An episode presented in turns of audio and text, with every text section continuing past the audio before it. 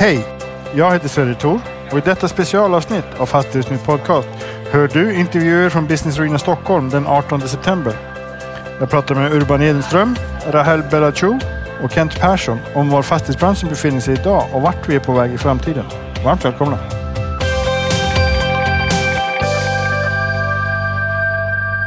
Hej Urban Edenström, välkommen till podden här på Business Arena. Tack ska du ha. Allt bra idag? Allt är jättebra. Mm. Du har varit med på Business Arena i många år. Ja, det är ju en helt otrolig utveckling Mm.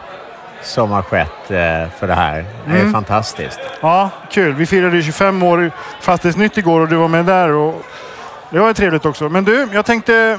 Nu ska vi inte prata om oss, utan vi ska prata om dig. Stronghold, där är du VD och grundare. Eh, ordförande i alla dotterbolagen, du är ordförande i Handelskammaren. Du har ett väldigt stort engagemang i fastighetsbranschen. Vad tycker du om läget i branschen nu? Nej, men det, det, det känns väl som om man är väldigt sent i cykeln och Mm. eh, framförallt eh, ur Handelskammarens perspektiv så ser vi ju en väldigt, väldigt tydlig avmattning för inte minst Stockholmsregionen. Mm. Mm. Så att eh, det är gott om mörka moln på himlen. Okej. Och vad skulle du... Nu, nu brukar man ju i tidningar och så här ge folk råd. Skulle, hur skulle du råda folk att eh, positionera sig? Rent generellt kan man väl säga att eh, det finns ju alltid möjligheter i fastighetsbranschen. Dels därför att vissa kan ha problem och måste sälja, men det kan ju också vara så att vissa segment, eh, vissa delar av Stockholm eh, ändå har en potential. Mm. Men rent generellt så tror jag att konjunkturen i Stockholm är med stor kraft på väg åt fel håll. Okej, okej. Men det finns läge för cherry picking. Det finns det alltid. Det finns det alltid. Men så här, nu har vi levt i den bästa av världar väldigt länge. Både i fastighetsbranschen men också i ekonomin i, i, som helhet. Vore inte vi bra med en liten sättning eller till och med en liten lågkonjunktur ett tag? Bara för att om inte annat förstå att det händer ibland. Stockholm står ju... Alltså det går väldigt... Jag kan säga att det går väldigt dåligt för Stockholm nu på mängder av punkter. Okej. Eh, vår konkurrenskraft har sänkts dramatiskt. PWC eh, har ju gjort en undersökning ganska länge där vi har rasat ordentligt. Mm. Näringslivsklimatet i Stockholm brukar ligga på 20 plats i Sverige, är nu på 124. Okej. Eh, vi har eh, ju enorm brist på bostäder. Vi tappade just några långlinjer i flyget. Och eh, vi betalar ganska mycket. Robin Hood-skatt. Nu till och med regionen Stockholm betalar mycket skatt. Och eh, vi ser nu faktiskt förra året för första gången en nettoutflyttning från Stockholm. Och det är framförallt barnfamiljer. Och eh, det är svårt att bedöma men eskalerar det där så är det väldigt allvarligt för Stockholm och även för Sverige. Därför att om du tittar mellan 2007 och 2017 så har 50 procent av alla jobb i Sverige skapats i Stockholms län. Mm. Mm. Så det är viktigt för Stockholm, men det är minst lika viktigt för Sverige i övrigt. Stockholm betalar 50 procent av alla skatter. Och är vi nu på väg i en riktig sättning i Stockholm, då är det problem här, men det blir problem för hela landet. Vad är det som krävs då för att få rätsida på det här? Liksom vända skeppet? att rikspolitiken börjar intressera sig för huvudstadsregionen. Den har varit en självgående motor länge, men nu är det bo- bostadsfrågan måste lösas, kote- kompetensbristen måste lösas och så vidare. Men frågar du en politiker i Malmö eller din eh, ordförande i, i, i Sydsvenska handelskammaren, då säger de väl att allting handlar om Stockholm hela tiden?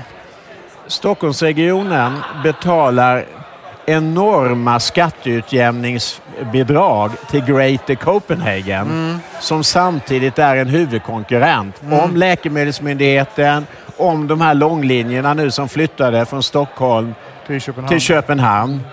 Och samtidigt ska vi betala miljarder i bidrag varje år. Det är ungefär som Scania skulle be- betala bidrag till konkurrenten Volvo. Jag tycker det är helt orimligt. Det låter som en dålig skilsmässa ungefär. Väldigt dåligt. Men du, om vi, om vi tittar nu på, på fastighetsbranschen. Jämför, hur, hur, om du jämför läget, eller branschen idag, inte läget i branschen, men själva branschen. Till exempel Business Arena med när du började? Du har ju sett en cykel eller två. Ja, alltså det som är... Det som gör att ska vi säga, skolboken inte stämmer för våra makroekonomer, det är ju att vi har en situation med negativ ränta. Mm. Jag lyssnade på Claes Eklund som jobbar mycket med Newsec och gör framtidsprognoser.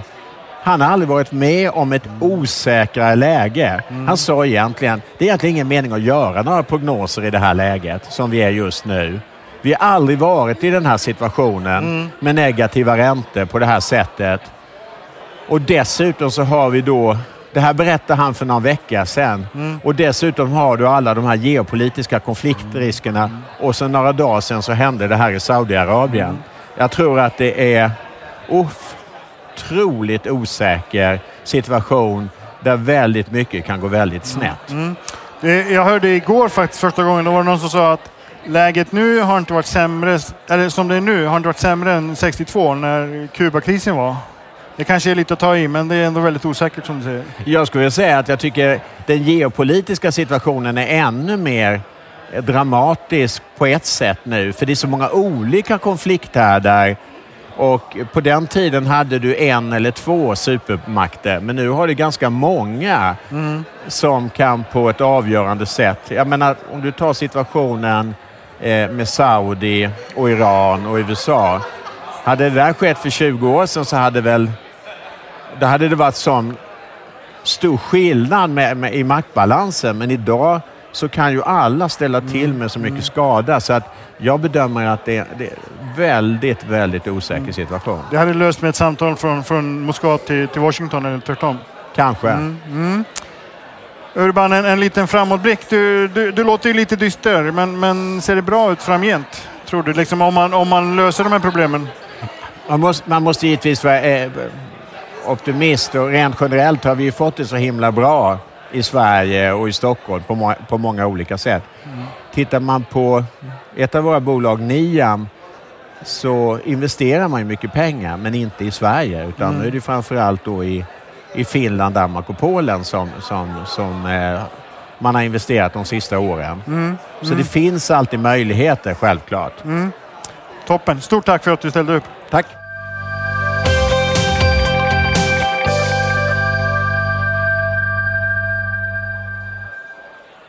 Nu har jag med mig Rahel Bellaccio, VD för Bellaccio Arkitekter. Välkommen! Tack! Kul att vara på Business Union som vanligt. Ja, alltid roligt att vara här. Eh, mycket folk, eh, massa intryck. Mm. Jag tänkte, du är arkitekt som sagt. Du har utmärkt dig, du har vunnit mycket priser de senaste åren. Eh, nominerad till, till och med vunnit World Architecture Awards va? Ja, vi har fått eh, ett antal priser internationellt, både Europa och USA. Mm. Ja, det stämmer. Då säger jag så här. Vad är det du tänker nytt jämfört med det som andra inte gör? Vad, vad har du att tillföra om man säger så? Jag tror att kanske det som utmärker mig är att jag alltid försöker tänka framåt och se vad är, vad är nästa steg? Hur kan vi göra det vi redan gör bättre? Jag gör det därför att jag tror att det är nödvändigt eftersom vi, vi lever i en tid av snabba förändringar. Men det är också en personlig drivkraft. Jag tycker att det är, det är ganska tråkigt att upprepa det man redan kan och redan har gjort. Så att jag tycker det är intressant att, att själv utforska, lära mig nytt och se hur, hur, vad kan vi göra annorlunda. Mm. Jag kommer från Island som alla vet idag som lyssnar på den här podden. Men där har man en otroligt heterogen arkitektur i Reykjavik till exempel. Har du varit i Reykjavik? Ja, ja. ja. Men, alltså inga två hus ser, ser likadana ut. Mm. Medan man i, i Stockholm, andra storstäder har, om inte annat så mer eh, homogent. Du har ju bostadsområden i Sverige där allting ser likadant alltså Det är som att, det är som att titta på en, ett Lego ett Lego-kvarter.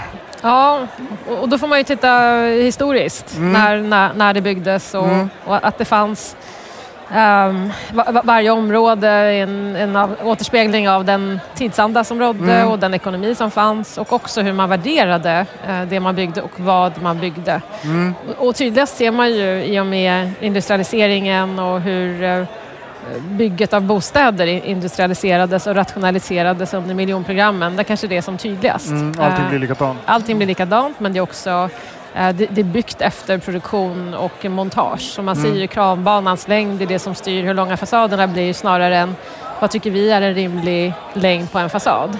Eh, Så att den är väldigt styrd utifrån eh, produktion. Eh, Och man kan väl säga att vi har senaste åren har också präglats mycket av diskussioner kring produktion. Man pratar snabbt om hur man producerar snarare än liksom, vad är det vi ska producera. Det är ändå en bostad. Om vi nu pratar bostäder, vilket är det vi bygger mest av eh, i våra städer, så man ska börja med produkten. Vad är det vi bygger och vem bygger vi för? Och sen kan man se hur vi bygger det. Och man kan inte börja med, med produktionstekniken innan man vet vad det är för produkt som ska fram så att säga. Och tittar man i andra inom produktutveckling så går man ju den vägen. Man börjar ju först med produkten och målgruppen och sen hur man bygger. Och det, det finns ju någon, som du säger, det finns ju någon form av rationalitet i det här. Liksom att man, man, man, man producerar eh, industriellt på, på något sätt. Men jag, jag hajade lite till när du sa liksom att man ska aldrig göra... Eller man ska aldrig, så kanske inte man inte ska, men det är inte kul om man gör samma sak flera, flera gånger. Liksom. Så, speciellt som arkitekt som är, någon, är ett ändå kreativt yrke. Kommer vi komma till en värld där det blir allting ser olika ut? Klarar vårt sinne den liksom, omställningen? Ja, definitivt. Och om vi ser bara senaste tre, fyra årens eh, produktion av bostäder och nya stadsdelar har ju, ser ju väldigt, det är till och med, det har nästan gått för långt att det blir för mycket och för mycket intryck. Eh, Men jag tror att det var nödvändigt efter perioder av eh, ganska storskaliga och, och monotona kvarter som byggdes så behövde vi göra någonting som var raka motsatsen. För att nu förhoppningsvis i nästa steg hitta en bättre balans mellan eh, det som är ändå sammanhållet men samtidigt eh, individuellt. Och, och någonstans så är vi ju vi är individer. Eh, våra byggnader skapar stadsrummen som vi vistas i och vi behöver, vi behöver någonting att fästa blicken i. Och vi behöver detaljer och vi behöver det måste hända någonting i vår omgivning för att vi ska tycka att det är intressant och att våra sinnen ska stimuleras. Och det är därför vi, vi tycker om eh, det brokiga framför det helt släta och liksom allt för monotona. En av mina bästa vänner forskar på miljöpsykologi. Och, och då är det ju liksom hur omgivningen får oss att må. Och då har ju gestaltning är otroligt viktigt. Eh, kan man kan man bygga liksom en helt harmonisk miljö? Eller liksom, nu är harmoni olika för olika individer men man får ju gå på någon, någon form av majoritetsprincip. Kan man göra en miljö som alla trivs i? Alltid. Alltså vi är ju, vi är olika eh, och det som är viktigt för dig kanske inte är lika viktigt för mig och, och, och för övriga. Eh, Men det är en stad, för att en stad ska kunna vara levande eh, då behöver man kunna attrahera många olika typer av människor och då behövs det en, en, en mångfald av typer av miljöer att vistas i. Så att jag, jag tror inte det finns en lösning utan det finns många olika. Eh, Det är och ungefär som bostadskrisen. Ja, Ja, alltså... Jag, jag tänker att det är mer... Om vi pratar om de här homogena stadsdelarna s- där man byggde allting på en gång så, så är det ju det är liksom nästa lager som vi adderar i de här på platserna när vi förtätar eller bygger om, bygger ut. Det är då det händer någonting och där många parter får lämna avtryck. Och det är då också vi skapar den här brokigheten som uppstår naturligt för att det är många parter som har varit involverade och att det har skett eh, under, under en längre tidsperiod. Och för varje ny era så har vi nya sätt att tänka på. Eh, och det är också det som gör att en stad blir intressant. Att det finns många lager av, av historia. Eh, Men blickar vi framåt och, och vi tänker eh, på hur, varför jag tycker att det är intressant att också fortsätta tänka framåt. Jag var på ett seminarium alldeles nyss som handlade om mobilitet, eh, mikromobilitet och vi har ju våra städer, eller världens städer har ju invaderats av skotrar på senare tid och på bara två år har de ju totalt eh, förändrat stadsbilden och sättet på hur vi rör oss. Vilket är jätteintressant. Och vi, vi kan tänka helt fritt kring vad, vad är mobilitet och, och det är inte bara en bil och inte bara en cykel heller utan något, något annat fordon. Uh, och det innebär att det är förändringar som är ganska snabba och eh, ingen hänger eh, Alltså, lagstiftning och regelverk måste hänga med och, och vi släpar alltid efter. Och därför så, i ett kreativt yrke så kan vi åtminstone försöka ligga steget före i tanken och i visionen och se, okej, eh, vad tror vi, vart tror vi utvecklingen är på väg? Eh, och hur kan vi bygga in en flexibilitet i det vi skapar idag så att det har en, en, ett motstånd till eller en anpassningsförmåga för det som händer framåt. Och, Mm. och, och det är det som jag tycker är intressant eh, när vi ser hur familjekonstellationerna ju, förändras ständigt.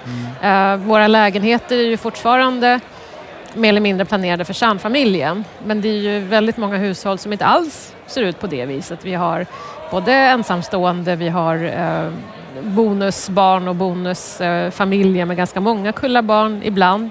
Eh, och vi har till och med en, en helt ny helt nytt fenomen där man faktiskt eh, skaffar barn tillsammans med en vän snarare än sin partner. Så att man tänker vårdnadshavare snarare än förälder. Och det blir också intressant. Vad, vad, vad skapar det för eh, liksom möjligheter eller svårigheter i vårt sätt att planera vår bostad? Men om vi nu avslutar med en liten framtidsspaning. Om 25 år. Kommer staden då, för det är som du sa, staden är, det är som en, en, en årsring på ett träd. Man kan ju se olika liksom, historiska lager. En sak som är väldigt intressant i, i stadens existensberättigande bygger ju på handeln på något sätt. Mm.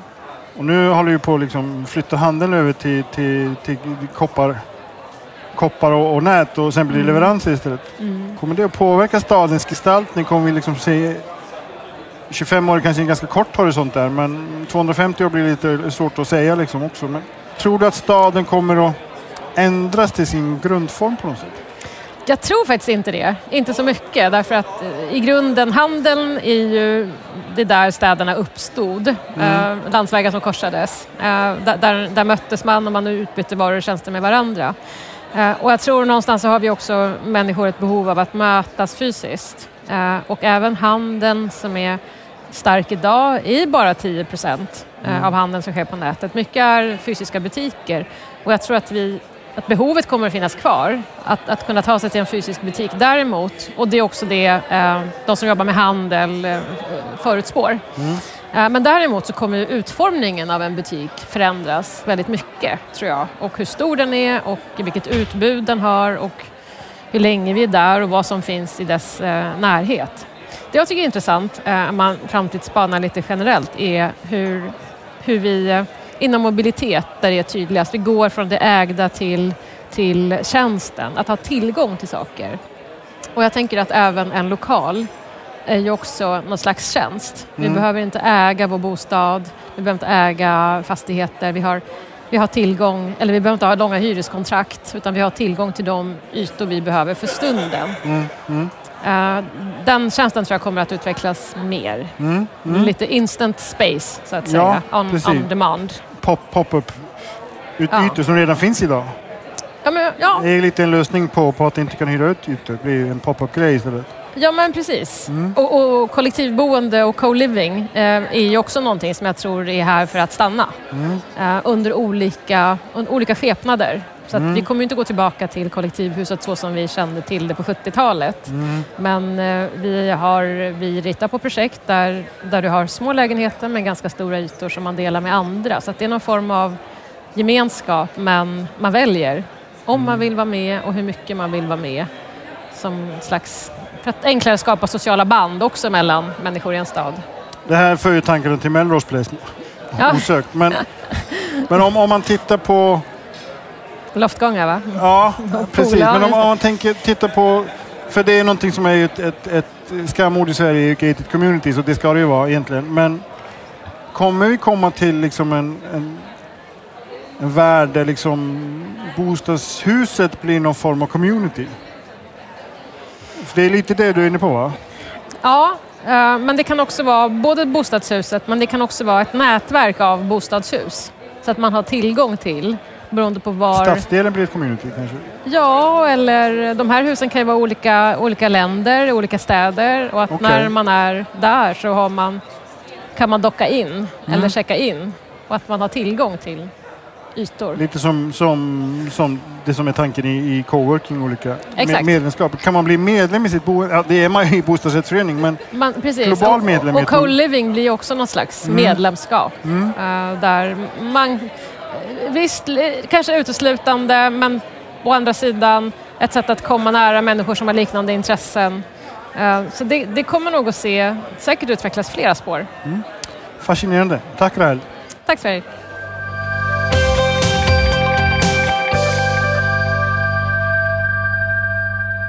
Då står jag här med Kent Persson, samhällspolitisk chef på Heimstaden och före detta partisekreterare i Moderaterna. Stämmer bra det. Välkommen! Tackar. Eh, Business Arena igen.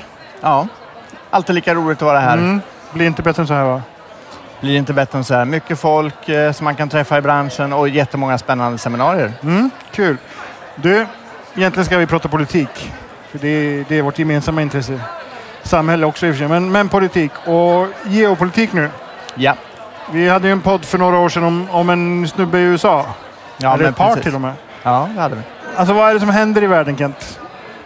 Ja, osäkerheten har ju fortsatt att öka. Dels så fick vi ju ett valresultat i USA där Trump blev, blev president och efter det har vi väl sett att den typen av ledarskap som inte vi har varit vana med har vunnit, eh, vunnit segrar i andra länder också. Eh, vilket sammantaget har skapat osäkerheten. Vi har ett politiskt ledarskap som agerar allt mer kortsiktigt i många länder. Provokativt. Ja, lite provokativt och framförallt ganska så populistiskt. Och det är klart att sammantaget gör det att vi har en lite osäkrare värld idag än vad vi hade för några år sedan. Men när, om vi bortser från Grekland, då är ju ändå USA och Storbritannien är ju något av liksom samtidens demokratiska grundpelare. Ja. När båda två faller offer för blonda kalufser, jag säga. Men alltså, vad är det som händer egentligen? Jag tror att i i båda fallen så är det så att partierna har agerat eh, kortsiktigt för att vinna segrar. Börjar med USA så är det såklart att Republikanska partiet blev otroligt frustrerade när Obama vann två val Ja. och också genomförde till delar sin agenda. Eh, och Var han för, av att var han för liksom radikal? Ja, Han var för framgångsrik i att bryta in i nya väljargrupper.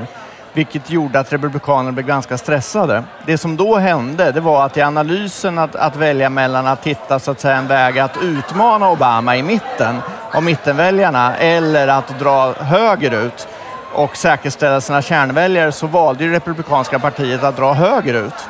Det där gjorde ju också att deras kandidater till primärvalen, vem som skulle bli presidentkandidat, också drog ännu mer högerut. Så att det gav en logik som förflyttade Republikanerna ganska långt ifrån mitten. Och Trump vann sen valet. Mycket på att han klarade av att mobilisera sina kärnväljare, bryta in i några nya väljargrupper. Men Demokraterna gjorde också sitt misstag i att eh, välja Hillary Clinton som sin presidentkandidat. Misstaget de gjorde, det var kanske inte främst att ta henne, men misstaget de gjorde var att de trodde att väljarna var eh, självmobiliserande med en sån kandidat, vilket inte visade sig. Sen har ju Trump skapat, eh, och ungefär som vi sa om de där poddarna för länge sedan, så sa vi det att det vi ser är det vi kommer att få. Det vill säga, vi har ett ledarskap som är väldigt ryckigt. Eh, väldigt, väldigt mycket influerat av vad han skriver på Twitter för sekunden. Eh, och det kan ändra sig ganska så snabbt. Och han har en helt annan ledarskapsstil. I vissa delar har han rätt. Eh, han pekar på en del av de problemen som är i Kina och obalanserna i världen runt Kina så är det såklart att det är någonting man behöver rätta till. Men det bör ju ske förhandlingsvägen och kanske inte via hot på Twitter. I andra saker så skapar han en enorm osäkerhet. Till exempel i, i sin syn på ehm, eh, framförallt säkerhetspolitiskt och USAs roll i världen där han drar, drar faktiskt USA tillbaka. Och det är klart att det skapar en otryggare värld i ett läge där det kanske faktiskt är så att USA skulle behöva hålla i sina positioner i att Ja. kunna försvara i dess yttersta förlängning demokrati. Men är inte det ändå, har inte det alltid varit Republikanernas grej ändå? Men det gjorde ju George W också. Han drog ju USA tillbaka. Vilket man skulle kunna, och jag har hört folk argumentera för att det ledde till 9-11 till exempel. Liksom att de, de fanns inte där längre, de tappade liksom närkontakten. Sen är det ju, finns det ju en viss absurditet i att ett land behöver vara liksom dominant i världen på det här sättet. Men det är ju ändå deras grej. Ja, men lite så det går över tid. Men skillnaden har väl varit att vi har varit vana med i Europa att det amerikanska ledarskapet och administrationerna har haft starka band in i Europa. Och den har liksom aldrig brutits, utan den har man hållit fast i och USA har också agerat i Europa för att säkerställa tryggheten. den har ju fått sig en törn, framförallt när det gäller förtroendet. Sen kanske USA har rätt i att Europa behöver bidra mer i resurser för att kunna hålla uppe NATOs eh, styrka och beredskap. Det är mycket möjligt att, att Europa behöver finansiera mer i och med att NATO är så närvarande i Europa. Men a- a- samarbetet har fått sig en förtroendeknäck.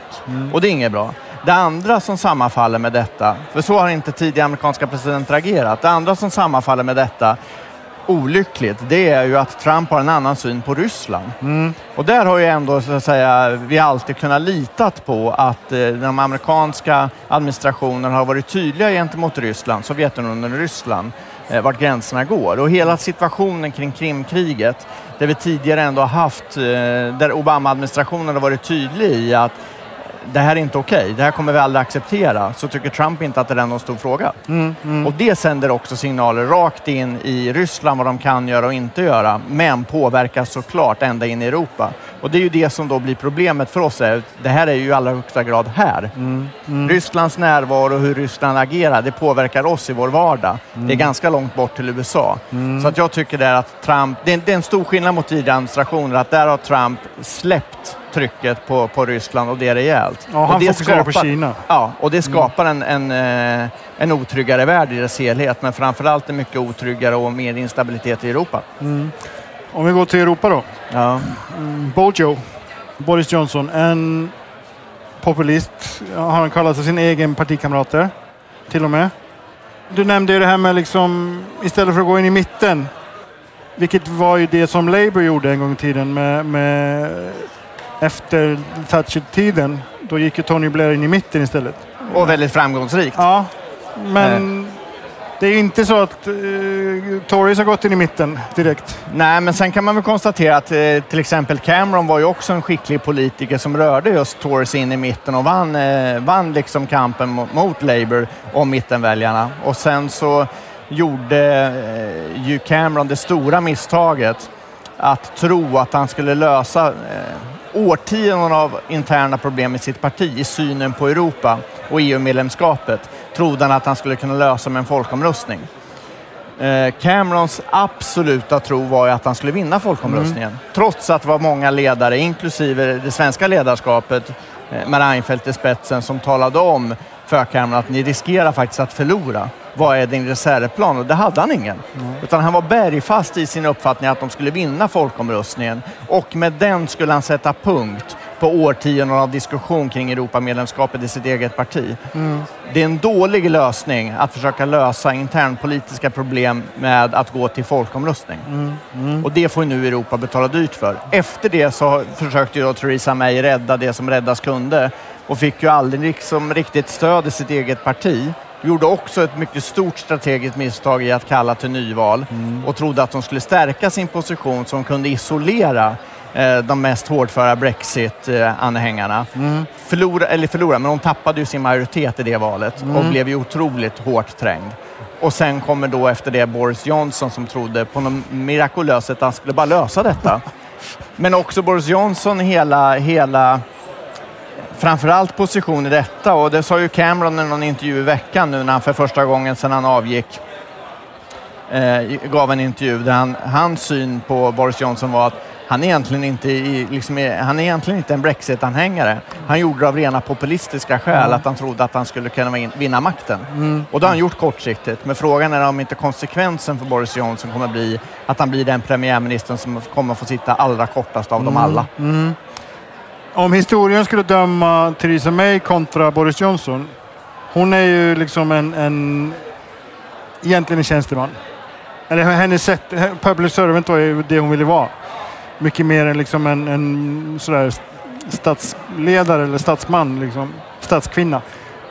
Boris Johnson vill ju, han vill ju bli den som för ut Storbritannien ur Europa. På ett helt annat maner på något sätt. Absolut. May, Theresa May var otroligt lojal med det uppdraget hon fick och försökte med alla, alla buds till medel genomföra det, men gick inte. Och precis som du säger, Boris Johnson ska nu bara göra det. Det återstår att se om han klarar av det. Eh, Men det som blir konsekvensen av, av detta som vi nu ser, det är ju att Tories som parti är ju slaget i spillror. Kommer de tillbaka? Kan de komma tillbaka? Alltså jag vet inte. Jag är otroligt osäker på det och vi får väl se sen när vi blickar tillbaka historiskt vad som hände. Men jag, jag eh, tvivlar på att han eh, ror i land detta. Eh, och med det så är det också risk att han tar med sig eh, Tories i spillrorna av det här.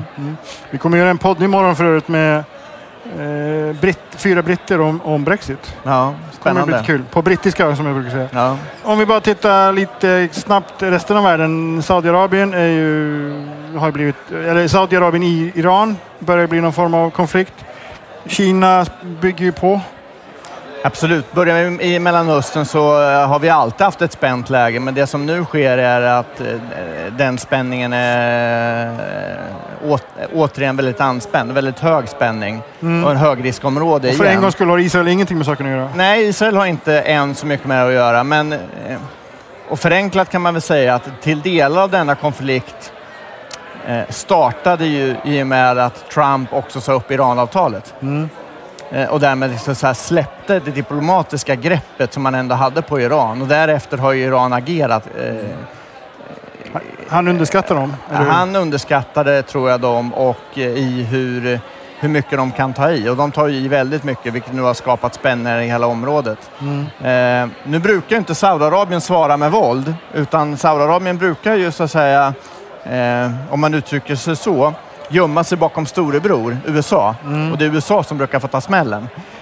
Nu är jag rätt osäker på om Trump är så himla villig till att eh, i ingången av, ett nytt, av en ny valrörelse, för vi är ändå på väg in i en amerikansk valrörelse, om han är så himla sugen på att gå in i en väpnad konflikt i Mellanöstern som kommer att vara svår att lösa. Hans tidigare besked har ju varit, har ju varit att de ska dra sig tillbaka från den här regionen.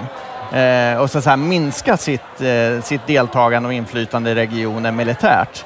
Eh, nu får vi se om han tvingas in i en militär konflikt, men jag tror inte alls att han vill det.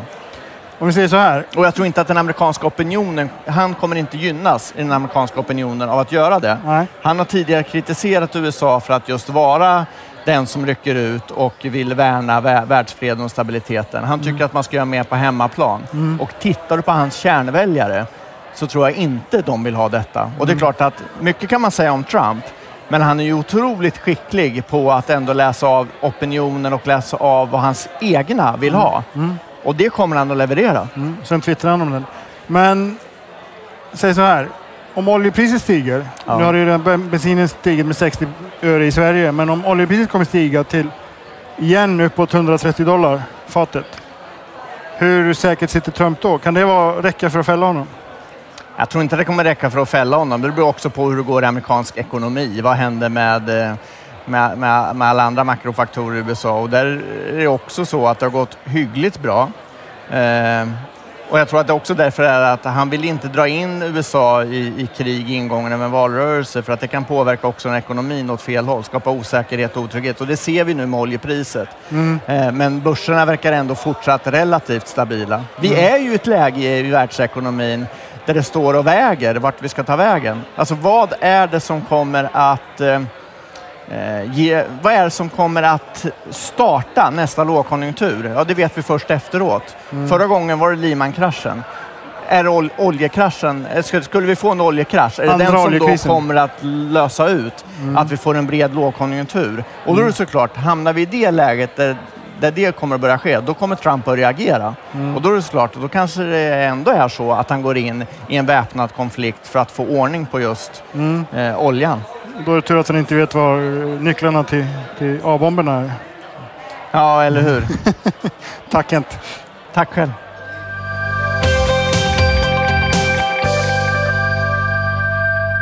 Det här programmet görs på Beppo. Beppo.